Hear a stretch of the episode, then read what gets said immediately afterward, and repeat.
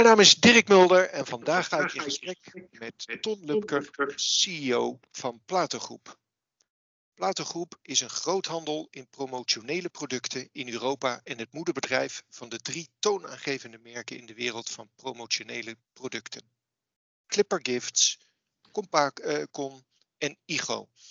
Het hoofdkantoor is gevestigd in Helmond en vanuit saleskantoren in Denemarken, Duitsland, Oostenrijk, Frankrijk, België en Nederland bedienen ze meer dan 20 Europese markten door middel van inkoop, import, opslag, marketing, verkoop, printen, verpakken en leveren van promotionele producten. Welkom Ton. Goedemorgen. Goedemorgen. Uh, de boost die de coronacrisis en de lockdown aan de online verkopen hebben gegeven, zet zich voort in 2021. Dit betreft dan voornamelijk de consumentenmarkt. Maar je ziet dat bepaalde effecten daarvan ook impact hebben op de B2B-markt. Die effecten zullen ook in het post-corona tijdperk uh, uh, de online verkopen uh, blijven domineren. En ehm, dat zal dus ook doorzetten in de B2B-markt. Uh, maar eerst voordat we daar verder over gaan praten, Ton, kun je wat vertellen over jezelf en over Platengroep en waar jullie voor staan? Ja, zeker. Ja, zeker. Nou ja, zoals uh, gezegd, mijn naam is uh, Ton Lupke. En ik ben net 60 geworden, mooie leeftijd. Ehm, ik ben al vele jaren actief in deze branche. Ehm, ooit gestart met het bedrijf Compacon, een van de drie merken van, van Plato Groep. Uh, wat we in 92 opgericht hebben. En Pla Compacon is in uh, ehm, 2017 onderdeel geworden van Plato Groep. En ik ben zelf in 2018 ehm, eh, in de eindverantwoordelijke rol voor Plato Groep en de drie merken eh, getreden. En met de drie merken zijn wij met Plato Groep eigenlijk um, ja, volledig actief in de wereld van de promotionele producten. Met verschillende businessmodellen proberen we eigenlijk verschillende klantgroepen uh, op verschillende uh, plekken in de supply chain te bedienen. En dat doen we door Europa. Dus ehm, dat is eigenlijk waar wij dagdagelijks onze energie in stoppen en onze energie ook meer dan in kwijt kunnen, zullen we maar zeggen. Kan, kan je iets, uh, je had over verschillende businessmodellen, iets duiden over het verschil tussen Clipper Gifts, Compacon en, en IGO dan? Ja, zeker. Ja, kijk, wij hebben nog een hele traditionele supply chain in de promotionele industrie. En wat bedoel ik daarmee? Hè? In, in veel andere industrieën zie je dat de supply chain steeds verder in elkaar geduwd wordt. En dat daar zeg maar, um, onderdelen uitgehaald worden om, om uh, direct bij de eindklant te komen en de marges ook te versmallen. Nou, wij zitten nog in een supply chain die redelijk traditioneel is. Hè. We hebben ergens in China een fabrikant. Die zoekt een agent erbij die Engels spreekt, hè, even gechargeerd. Uh, die komt in contact met een partij die die goederen gaat importeren en een assortiment gaat voeren wat ze verkopen aan distributeurs. En de distributeur verkoopt dat soort producten aan de eindklant. En dat is veelal in de B2B-omgeving. Wat wij met, met uh, onze drie merken doen, Clipper is zo'n partij die importeert, uh, die voorraad houdt en die ook decoreert. Dus dat is in feite de partij, de supplier, die levert aan distributeurs in, in Europa. En de distributeurs die verkopen dat door naar de eindklant. Nou, we hebben in Plato Groep, eigenlijk binnen Plato Groep twee merken, Igo en Compacon, dat zijn ook distributeurs dus we hebben met Clipper interne klanten, zijn de IGO en Compacon. En we hebben externe klanten, dat zijn eigenlijk de externe distributeurs. En met IGO en Compacon bedienen wij de eindklant, maar wel op verschillende segmenten. dus IGO is de echte e-commerce speler, die vooral de, het midden- en kleinbedrijf bedient. Waarbij Compacon veel meer de, de full service uh, leverancier is, die veel meer gericht is op het versterken van merken van meer corporate bedrijven. Dus het model van Plato is in die zin vrij uniek. We hebben een verticale integratie in de hele supply chain, van directe import tot levering aan de eindklant. En we hebben een horizontale, zeg maar, complementaire propositie tussen IGO en Compacon naar de markt toe. En dat maakt ons eigenlijk als Plato-groep in Europa een, een, een uniek bedrijf. We hebben natuurlijk concurrentie of collega's, hoe we het noemen willen, die puur supplier zijn of die puur distributeur zijn. Maar zeg maar de combinatie zoals wij nu de drie merken hebben ingericht, die is er eigenlijk niet. Ja, dat geeft ons ook veel mogelijkheden natuurlijk. Ja, absoluut. Als je dan uh, terugkijkt, hè, ik kan me voorstellen dat uh, het afgelopen jaar uh, met corona voor jullie niet echt een heel goed jaar is geweest. Nee, dat klopt. Dat heeft, eh, kijk, wij zitten met promotionele producten en, en, en relatiegeschenken en premium zitten wij natuurlijk in de hoek die je als uh, conjunctuurgevoelig kunt uh, betitelen. Ja, dat hebben we natuurlijk gemerkt. Hè. Toen de coronacrisis uitbrak, hè, vorig jaar maart, ja, toen merkte je dat de business in paniek was. Hè, en dat was in de volle breedte. Waardoor wij onze omzetten natuurlijk fors terug zagen lopen. En overal hebben wij vorig jaar, denk ik, ruim 30% minder omzet gedaan. En dat is, dat is natuurlijk fors. Um, we zijn dat overigens gewend. Hè? Niet, niet dit soort terugval, maar natuurlijk financiële crisis uh, die in 2009 aan de orde was, uh, heeft onze branche toen ook hard geraakt. En onze branche, zoals ik dat ook uh, eerder zei, ja, we zijn eigenlijk wanneer de markt aantrekt, komen we als laatste erbij. En wanneer de markt zeg maar tot stilstand komt, dan zijn we de eerste die, die eigenlijk aan de kant gezet worden. Dat is de betiteling van conjunctuurgevoelig. Dus zeker die coronacrisis heeft ons natuurlijk behoorlijk geraakt. En uh, we hebben scherp moeten schakelen om te kijken van hey, hoe zorgen we dat we toch uiteindelijk als bedrijf gezond blijven. En, en uh, ja, die, die uitdagingen het hoofd bieden. Ja. We hadden we het in de inleiding hadden we het er al uh, kort over. corona heeft er natuurlijk toch ook toegeleid dat er een enorme transitie naar digitaal heeft plaatsgevonden. hoe, hoe hebben jullie dat gemerkt? Ja, misschien minder sterk dan in de B2C-wereld. Omdat uh, we vooral gezien hebben dat winkelen op afstand, hè, als we het zo maar even noemen, natuurlijk een enorme vlucht genomen heeft. Ook, ook uh, uiteindelijk geforceerd, hè, want je, je, je kon niet anders aan je producten komen dan wanneer je dat online bestelde. Dus dat heeft een enorme impact gehad. Ik denk dat die impact ook zeker naar de toekomst toe uh, gevoeld zal worden. Hè. Mensen die misschien wat terughoudend waren, hebben dit nu ook ervaren en misschien ontdekt. Dus ik denk dat dat een, een, een, een continue beweging te zien zal geven waarbij de hele e-commerce branche sterker wordt. En uiteindelijk zal dat ook voor ons gaan gelden. We zien dat, dat een B2B-markt, zeker ook op het gebied van e-commerce, vaak volgt op een eh, B2C-markt. Ook omdat de uh, partijen die bij ons inkopen, de mensen die bij ons inkopen, natuurlijk gewend raken aan het kopen op afstand. Dus dat zal zeker een impact hebben. Ehm, en wanneer we het relateren naar onze branche, dan uh, zien wij ook wel bewegingen dat ook onze industrie steeds meer een commodity wordt. Zeker wanneer we praten over het standaard assortiment, het standaard product. Uh, daardoor wordt de markt natuurlijk ook steeds transparanter ten aanzien van assortiment, ten aanzien van prijs. En uh, waar onze industrie traditioneel eigenlijk een, een, een, industrie was die, die vooral geleid werd door catalogie, hè, van die dikke boeken waar al die producten in staan ja, verschuiven we nu vrij hard naar de e-commerce uh, omgevingen. Uh, waarbij ik wel gezegd moet hebben dat, dat complexiteit in deze industrie nog steeds de decoratie is van het product. dat, dat is toch best ingewikkeld om dat op een goede manier te doen. Er is vaak nog een stukje advies nodig.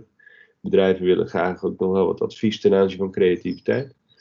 Maar het zal zeker een impact hebben. En, en we hebben dat afgelopen periode nog niet zeg maar, in die hoedanigheid gezien zoals het in de B2C-markt is geweest. Maar we verwachten zeker dat dat een impact op termijn gaat hebben die een, een, een gevolg is van die ontwikkelingen in de B2C-wereld. Want je had het over uh, jullie merk IGO, dat is, is dat alleen dan uh, uh, digitaal? Of is dat ook een combinatie tussen fysiek en digitaal? Uh... Ja, nou, we, hebben eigenlijk. Kijk, IGO komt vanuit de wereld van de catalogie. Hè. Was ooit marktleider op het gebied van de verkoop van promotionele producten. Doordat ze door Europa heen enorm veel catalogie verspreiden. Eigenlijk de eerste B2B postorderaar, zullen we maar zeggen. En we zijn nu bezig met een transitie volledig naar e-commerce. Dat is nu nog een beetje een hybride model, maar eigenlijk toch wel 90% e-commerce. En, en, eigenlijk geen offline activiteiten meer om uh, klanten aan ons te binden. Dus, dus het, het, gaat echt wel die kant op. A, omdat je daarmee heel eenvoudig je assortiment natuurlijk kunt uh, ontsluiten. B, omdat je ziet dat er op, op, op bestellingniveau uh, je dat heel makkelijk in kunt richten. En, en, en ook omdat klanten hier aan gewend raken en begrijpen dat dit op deze manier natuurlijk gewoon eenvoudig besteld kan worden. Maar hoe, hoe, regel je dat dan met die decoraties waar je het net over had? Uh... Ja, wij geven natuurlijk online aan uh, met hoe we kunnen decoreren. Hè. Dus we maken in feite de klanten eenvoudig door te zeggen: joh, dit product kunnen we je logo aanbrengen en welke techniek erachter zit, is voor de klant minder relevant. Dus op het moment dat de klant het product bestelt, zorgen wij dat dat met zijn logo gedecoreerd geleverd wordt. En dus daar zijn we met technieken bezig om dat steeds verder te laden. Hè. En we kunnen inmiddels ook zichtbaar maken. Wanneer iemand iets bestelt, kan die zijn logo uploaden. En dan ziet hij ook hoe dat op dat product komt te staan. Uh, maar soms kan het nog wel eens een keuze zijn om, om bijvoorbeeld uh, met een bepaalde techniek te decoreren of met meerdere kleuren. Ja, dan kan het zijn dat we daar nog even contact over hebben. We maken altijd nog wel die drukproeven. Hè? Dat is uiteindelijk wel iets wat je, wat je doet. Dus daar zit nog interactie met die klant. Hè? Dus volledig digitaal, volledig geautomatiseerd proces loopt wel via de digitale kanalen, maar er zijn altijd nog wel handelingen nodig om tot het eindproduct te komen. Ja. Nou, nou had je het in het begin over van uh, uh, jullie branche is nog een redelijk traditionele branche. Dan denk ik, en dat, dat is voor jullie denk ik juist de uitdaging, dat traditionele zit hem denk ik meer in de, in, in de keten, in de supply chain, waar je aan de andere kant ziet dat natuurlijk jullie afnemers wel heel snel richting die nieuwe wereld veranderen. Ja, zeker. Ja, daar zit ook zeker een uitdaging. Kijk, Wanneer wij kijken naar het supply chain model, hè, dan hebben wij dat in feite geïntegreerd binnen onze modellen. Daar zien we ook enorme kansen. Hè. Dus we hebben direct hele korte lijnen van fabrikant naar, naar markt. En hoe korter die lijnen zijn, hoe sneller je kunt schakelen en hoe competitiever je ook aan kunt bieden. En um, kijk, vaak zijn onze klanten niet direct op de hoogte hoe onze hele supply chain eruit ziet. Hè. Dus de eindklant die koopt een product en die wil het gewoon tegen een goede prijs, een goede kwaliteit en snel geleverd. En dat is uiteindelijk natuurlijk de uitdaging waar wij voor staan om dat zo goed mogelijk in te richten. dus dat wij voorraden houden, dat we zelf decoreren, dat we flexibel zijn, dat we snel kunnen leveren. Dat is in feite de USP's die we naar de klant brengen. En binnen onze organisatie, door directe importen, zijn we in staat om natuurlijk ook kosteneffectief te werken. Doordat we zelf die supply chain eigenlijk in elkaar drukken. Als je, als je nou eens uh, kijkt naar de afgelopen jaren, uh, wat zie jij dan als uh, belangrijkste ontwikkeling binnen die digitalisering? De belangrijkste ontwikkeling is dat je toch uh, een, een, een, steeds breder assortiment makkelijk aan kunt bieden, omdat het transparant is. Uh, de ontwikkelingen zijn ook dat steeds meer bedrijven bereid zijn om promotionele producten online te bestellen. we zien ook dat je nieuwe toetreders krijgt, dus de traditionele distributeurs die gewend zijn om uh, naar de klant toe te gaan en, en, te kijken welk product ze in willen zetten voor die klant. Ja, die krijgen nieuwe concurrenten erbij. Die komen meer uit de e-commerce hoek. Hè. Bedrijven die zeggen, hé, hey, uh, dat is ook een interessante industrie. We kennen de producten niet, maar we kennen wel het spel van e-commerce. Dus je ziet nieuwe toetreders die, die best snel een stuk markt veroveren. En uh, je ziet eigenlijk dat vooral e-commerce platforms en, en dat daardoor ook een stukje consolidatie plaatsvindt. En dat die snel kunnen groeien en een enorm bereik uh, creëren, uiteindelijk binnen iedere markt. Daar ligt voor ons uiteindelijk ook de kans, uh, zoals we dat zien. Ja. Ja. ja. Want als je dan kijkt naar die markt, waar ligt dan jullie onderscheidend vermogen? Ons onderscheidend vermogen ligt natuurlijk in het feit dat we uh, eigen voorraden hebben, zelf kunnen decoreren, snel kunnen leveren, breed assortiment aanbieden. en doordat we ons onderscheidend vermogen ligt ook in het feit dat we in, in alle landen binnen Europa, hè, of de genoemde landen die je aangaf in de inleiding, actief zijn. Dus we hebben schaal, we hebben schaalgrootte, waardoor we ook zeg maar, in staat zijn om goed te kunnen investeren in al die e-commerce ontwikkelingen. Hè, want het is, e-commerce blijft een kapitaalsintensief uh, uh, model, hè, nog steeds. Of het nou door de online advertising is, of door de techniek die je constant moet door blijven ontwikkelen. Uh, en uiteindelijk heb je schaal nodig om, om ja, een portal te kunnen aanbieden waar de klant tevreden mee is en zich goed bij voelt. Duidelijk. Um, als je kijkt wat naar die digitalisering over de afgelopen jaren, wat, wat betekent dat dan voor jullie organisatie? Of wat heeft dat betekend? ja, dat we, dat we andere mensen uh, nodig hebben. Hè. We hebben een, een, een, marketingteam voor IGO uh, zitten die allemaal zeg maar e-commerce minded zijn. dus die denken, die denken totaal anders dan de traditionele marketeers. dat is ook ontzettend boeiend om, om mee te maken. Hè. Dus we kijken naar data, we kijken naar ontwikkelingen, we kijken naar AB-testing, we kijken naar hoe kunnen we de knopjes nog scherper draaien, waardoor we nog meer resultaat halen wat doen we ten aanzien van uh, advertising? Wat is onze return op alles wat we investeren? ja, dat, dat, wordt zo nauwkeurig gemonitord op dagdagelijkse basis. En, en dat zijn werkelijk ander soort mensenprofielen die anders denken. Ja, heel ja. moeilijk. Ja. En, en voor jouzelf, want jij zegt zelf, hè, van ik, ik ben al eh, redelijk lang in deze sector eh, eh, werkzaam. Dat zal ook wel een hele verandering zijn geweest. eh. Ja, een hele boeiende. En eh, uiteindelijk is het vaak zo dat met dit soort trajecten, je moet natuurlijk openstaan voor verandering. Hè? Eh, wil je in staat zijn om die verandering te kunnen laten gebeuren? Ja. Eh, maar dat vind ik ook leuk. En eh, ik ben altijd heel erg gericht op, op innovatie, wat we kunnen doen met het bedrijf, om, om zeg maar over drie jaar ook eh, de positie te hebben die, we, die we verdienen. Maar je moet je er wel in verdiepen en je moet zorgen dat je de goede mensen om je heen verzamelt, die dat eh, ja, met je vorm kunnen geven. Waarmee je de juiste strategie kunt blijven volgen. Ja. Als je nou naar de B2C-markt kijkt, dan zie je toch dat eh, schaalvergroting, eh, groei een belangrijke focus is. Ehm, dat lijkt mij in de B2C of in de B2B-markt gewoon anders liggen. Maar wat zijn daar belangrijke kenmerken? Ja, ik denk bij de B2B-markt kun je natuurlijk de schaal wel bereiken door zeg maar op meerdere markten actief te zijn. Dus ehm, doordat je eh, het platform wat je hebt natuurlijk in kunt zetten op meerdere markten, daar kun je wel groei uithalen. Ik denk in de B2B-markt dat het belangrijk is dat je eh, uiteindelijk een, een, een heel eenvoudig proces hebt. En ik, ik zeg eenvoudig, hè, dat spreekt voor iedereen voor zich, maar in onze industrie is dat toch nog wel een, een, een- een ding om het gewoon eenvoudig te maken, waardoor mensen hun producten kunnen bestellen. En je moet natuurlijk zorgen dat je concurrerend bent. En dat je eh, op een prijsniveau aanbiedt eh, wat enorm transparant is, wat ook aansluit bij wat de klanten willen betalen en wat ze ook zien dat ze kunnen betalen. En, en, en daar moet je denk ik vooral eh, op focussen om te ontwikkelen. Ja. Als je nou terugkijkt, wat, wat zie je als belangrijkste, ja, waar zijn jullie als onderneming tegenaan gelopen in die, zeg maar, die transitie toch? In de transitie naar e-commerce bedoel je? Ja? Ja, dat, dat heeft allereerst te maken met het feit dat je moet zorgen dat je je, je, je processen goed inricht hè, op, op, op dat nieuwe model. En wat bedoel ik daarmee? Dat je gewoon eh, eh, je kosten voor order moet laag zijn. Omdat je door je hele eh, e-commerce propositie ook in situaties terechtkomt dat je, dat je gemiddelde orderwaarde omlaag gaat. Wat op zich geen probleem is, mits je kosten order gewoon goed eh, op orde is. Dus daar hebben we eh, zeker aandacht aan besteed om de processen steeds verder te automatiseren. Eh, en je moet natuurlijk zorgen dat je uiteindelijk je techniek afstemt op de vraag uit de markt. En wat bedoel ik daarmee? Je categorisering van je producten, je vindbaarheid van je producten.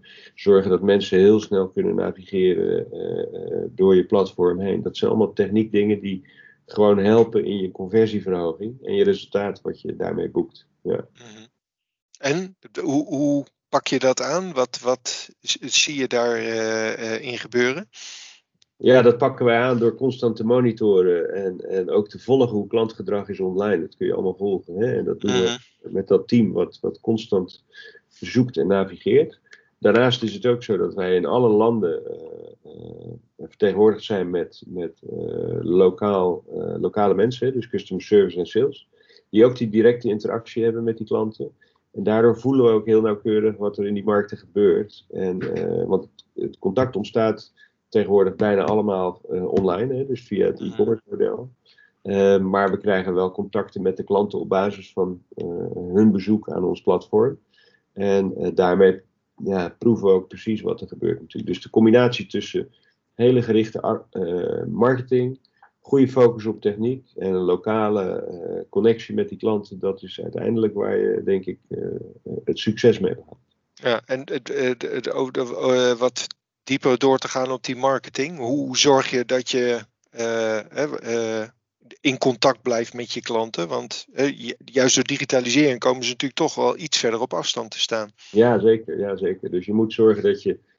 Eh, we doen heel veel met, met Google, hè, Google AdWords. Dat, eh, Mhm. daar gaan echt eh forse budgetten naartoe. Dat als mensen zoeken online, dat ze bij jou terechtkomen en niet bij eh, je, je concurrent. We doen natuurlijk heel veel via hè, wat we noemen SEO, dat mensen zeg maar organisch bij ons terechtkomen. We doen veel aan bannering, we doen e-mail marketing. Dus we zetten alle digitale technieken in om in contact te komen met die klant. E-mail marketing is natuurlijk eh, iets wat we inzetten op onze eigen klantbase, die we over die afgelopen 75 jaar dat we al bestaan eh, hebben opgebouwd.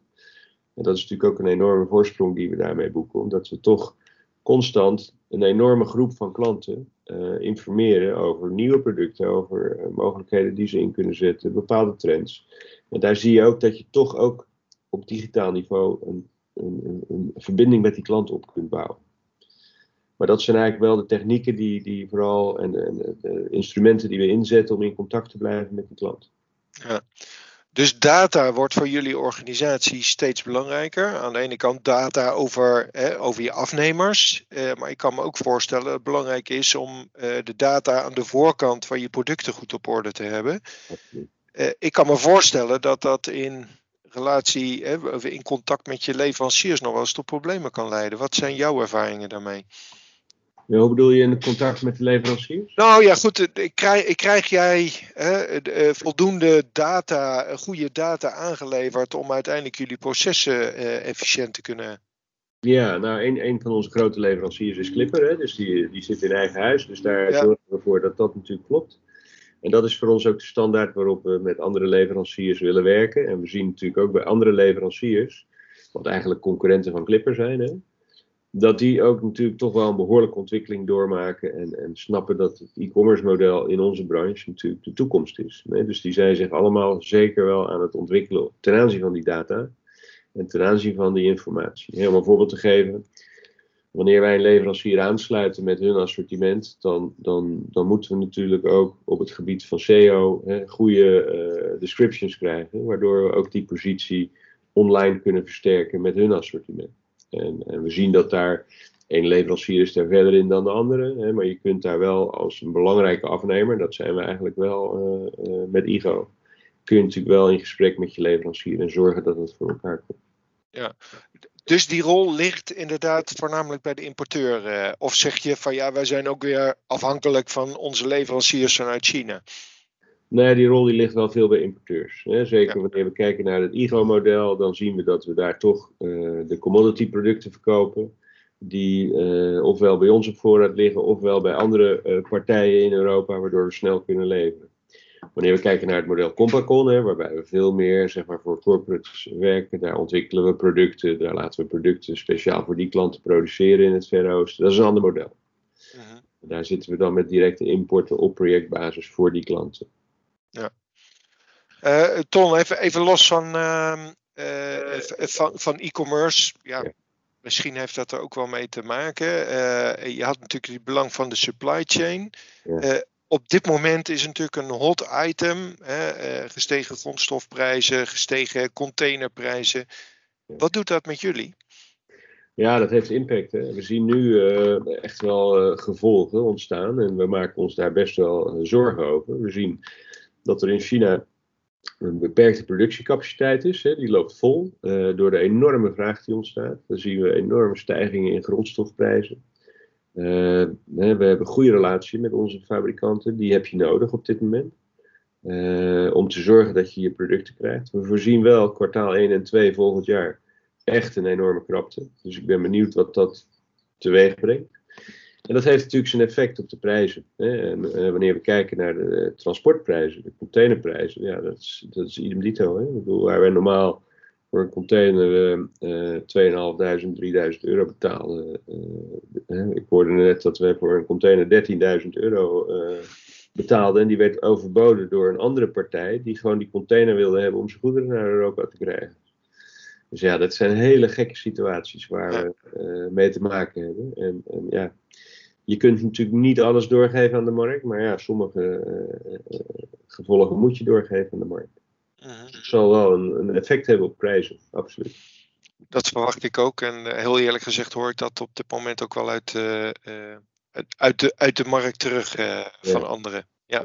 ja. Um, ander belangrijk hot item op dit moment, duurzaamheid. Ja. Hoe belangrijk is dat voor jullie? Ja, dat is heel belangrijk. Hè? Kijk, um, laten we eerlijk zijn, promotionele producten uh, dragen bij tot versterking van merken, versterking van relaties en dergelijke. Maar goed, uh, wanneer wij uh, bij wijze van spreken 1 miljoen plastic pennen leveren in de markt, ja, dan moet je wel zorgen dat dat toch op een verantwoorde manier gebeurt. Anders word je natuurlijk ooit een keer gelabeld als vervuiler. En ja. dat snap ik ook. Dus ik vind dat we als branche ook echt een verantwoording hebben daarin. Dus waar wij druk mee bezig zijn is te zorgen dat wij echt op zoek gaan naar duurzame producten. Een groot deel van het assortiment moet duurzaam zijn. En duurzaam betekent ofwel dat we het goed kunnen recyclen, of dat wel het voortgekomen is vanuit recycling. Uh, dat we grondstoffen en materialen gebruiken die minder milieubelastend zijn. Daar ligt een hele belangrijke focus voor ons. En uh, daar zullen we echt op in moeten zetten uh, als branche ook hoor. maar wij zijn er zelf ook al nadrukkelijk mee bezig. En vooral ehm, hergebruik van goederen doorvertalen naar promotionele producten. Daar kun je uiteindelijk ook heel veel verschil mee maken. Waardoor het product nog meer lading krijgt. Hergebruik van producten? Hoe?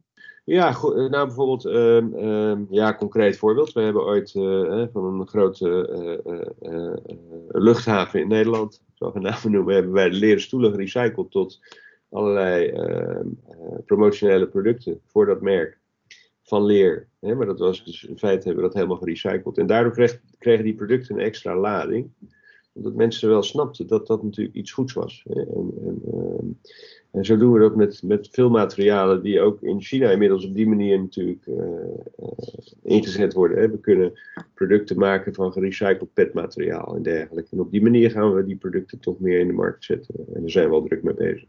Ja. Is, is dat dan makkelijk digitaal dat verhaal te vertellen? Moeilijker, moeilijker, maar we gaan dat categoriseren. Hè, dus waarbij we zeggen, god, het assortiment duurzaam kun je natuurlijk wel goed labelen en kun je goed uh, uh, zichtbaar maken. Um, en uiteindelijk kun je daarmee ook natuurlijk zorgen dat je in contact komt met die grote groep klanten die daar ook aandacht voor heeft. En daarnaast uh, proberen we dat toch goed te communiceren. Los van product kun je natuurlijk ook in marketing heel veel dingen doen. Hè. We hebben een grote actie gehad waarbij we bomen hebben geplant. Hè, en dat de klanten die bestelden direct konden zien wat voor effect dat had. En zo kun je natuurlijk ook een bijdrage leveren die je dan marketingtechnisch wat meer gaat laten. Ja, ja. ja. oké. Um, als we nou even uh, wat verder doorkijken naar de toekomst. Uh, hoe, hoe zie, zie, jij de branche en hoe zie je jullie positie erin over zeg vijf jaar? Ja, ik denk dat de, dat de waardeketen die wij uh, hebben, de supply chain, die zal denk ik wat verder in elkaar gedrukt worden. er zullen schakels tussenuit gaan vallen. Iedereen kent wel voorbeelden dat hij een telefoonhoesje kan bestellen bij AliExpress. Tegen prijzen dat je je afvraagt hoe dat mogelijk is. Uh, dus die, die, die, die, die, die, waardeketen die wordt korter. Uh, waardoor producten wat dichter op, op de eindklant zullen komen. En daar moet je op anticiperen. Uh, dat proberen we met Plato natuurlijk ook te doen. Door die merken op elkaar aan te laten sluiten. En, en die integratie in eigen huis vorm te geven dus kort op de klant zitten en zorgen dat je met directe importen gewoon eh, goed concurrerend kunt blijven leveren. Ik denk wanneer we naar de toekomst van de branche kijken, dat het heel belangrijk is dat je eh, contact hebt met die eindklant. dat je een connectie hebt met die eindklant, ofwel door een heel sterk platform, ofwel door de interactie met klanten, door lokale uh, vestigingen. Want op het moment dat je een, een goede connectie hebt met die eindklant, en je hebt daardoor ook de massa, dan heb je uiteindelijk ook het model, denk ik, waardoor je uh, toekomstbestendig bent. Maar dat die integratie, uh, die verdergaande integratie natuurlijk een rol zal spelen, dat is duidelijk. Net zoals, ja, sorry. net zoals consolidatie natuurlijk ook een, een rol gaat spelen naar de toekomst. Mhm. Is, is, is dat, hè, want ik kan me voorstellen dat met Compacon, hè, waar je zegt van ja, we, we, hebben meer een full service model uh, waarin je die klant de, uh, dat advies kan geven, dat dat wat makkelijker is dan bijvoorbeeld met een IGO, uh, waarin je toch voornamelijk digitaal werkt. En dan, dan doel ik eigenlijk op die concurrentie met die grote platformen. Ja, dat klopt. Dat klopt. Nou, kijk, waar wij kansen zien met IGO, zoals wij naar, naar, naar de markt kijken. Doordat wij actief zijn in zoveel markten, hè, kunnen we, ehm, hebben we schaal. Hebben we schaalvoordeel kunnen we ook goed investeren in techniek. Kunnen we ook zorgen dat wanneer klanten uh, op zoek zijn naar een promotioneel product, dat wij de prominente partij worden. En op het moment dat je uh, die schaalvoordelen kunt vertalen naar een sterkere positie in die markt, mhm. dan heb je ook een groeimodel te pakken. Hè? En dan gaat het zichzelf versterken. Wanneer je uh, een goede positie wil hebben in, in de markten, ja, dan praat je over miljoenen aan budget wat je uit moet geven om gevonden te kunnen worden nou, niet, niet, in onze branche is heel gefragmenteerd, heel veel kleinere partijen. Is lang niet iedereen in staat om dat te doen. Dus je hebt die schaal nodig en je hebt ook die die internationale aanwezigheid nodig om die schaal te kunnen creëren. dus daar zie ik bij IGO enorme kansen. En wat je zegt bij Compacon is dat meer op het adviesniveau. Hè? Dus maar de connectie met die klant, die moet je gewoon creëren door te zorgen dat je het platform wordt in de industrie. En hoe word je het platform, breed assortiment, overal uh, aanwezig in, in lokale talen, maar ook ondersteund met lokale kantoren. En voldoende mogelijkheden, ook financieel gezien, om te zorgen dat je ehm, in contact kunt komen met het land. Ofwel door advertising, ofwel door e-mailmarketing. Leuk. Ja. Um, tot slot, Ton, uh, ik, ik, heb geboeid zitten luisteren, maar uh, toch uh, tot slot van, van dit verhaal. Heb jij nog tips voor andere ondernemers? Ja, ja, dat vind ik altijd wel wat, hè, om dan te zeggen, god let hierop of let daarop. Maar wat ik zelf uh, in de afgelopen periode, hè, want ik denk dat heel veel ondernemers natuurlijk een situatie hebben meegemaakt die totaal nieuw was. Waarbij allerlei onverwachte dingen gebeuren die nieuw waren. Uh, en, en ik heb wel geleerd dat het belangrijk is dat je wendbaar bent, hoe groot je organisatie ook is. Want de markt wordt steeds, die vraagt om steeds meer wendbaarheid. Hè? En, en uh, in welke industrie je ook zit. Ik denk dat dat eigenlijk uh, voor veel industrieën geldt. En wij hebben het zelf ook gemerkt. En markten kunnen heel snel verschuiven, veranderen en wijzigen. Dus je moet wendbaar zijn. Uh, wij hebben wel vastgehouden aan een consistente strategie. Hè? Dus dat geeft houvast voor mensen. Maar het geeft ook houvast uh, waar je op investeert en, en, en, waar je richting aan weer wil proberen te geven. En in de wereld waarin wij zitten, uh, maar dat is misschien ook herkenbaar voor, voor, voor veel andere bedrijven, is, is innovatie natuurlijk key. Hè? Dus mijn motto is altijd: zorg dat je altijd blijft investeren in innovatie. Uh, reserveer gewoon middelen om ieder jaar weer keuzes te kunnen maken om te innoveren. En de ene keer zal het beter lukken dan de andere keer. Uh, maar dat, ook wanneer het niet lukt, is het beter dan wanneer je niks doet. En dat, eh, dat zie ik zeker zo. Dus, dat heeft ons ook iedere keer weer verder geholpen. Want in welke situatie we ook terechtkomen. Hè? Het afgelopen jaar was natuurlijk eigenlijk bedrijfsmatig niet de situatie waarin je terecht wil komen. Maar we hebben er weer veel van geleerd. En, en ook die learnings helpen ons in de toekomst zeker verder. Dus uh, dat, is, dat is ook mooi. Hartstikke mooi. Mooie afsluiting. Ton, dank je wel. Uh, jullie ook dank voor het uh, luisteren naar deze podcast. Voor andere podcasts verwijs ik je graag naar ing.nl. Ton, dank voor dit gesprek. Graag gedaan. Ook bedankt.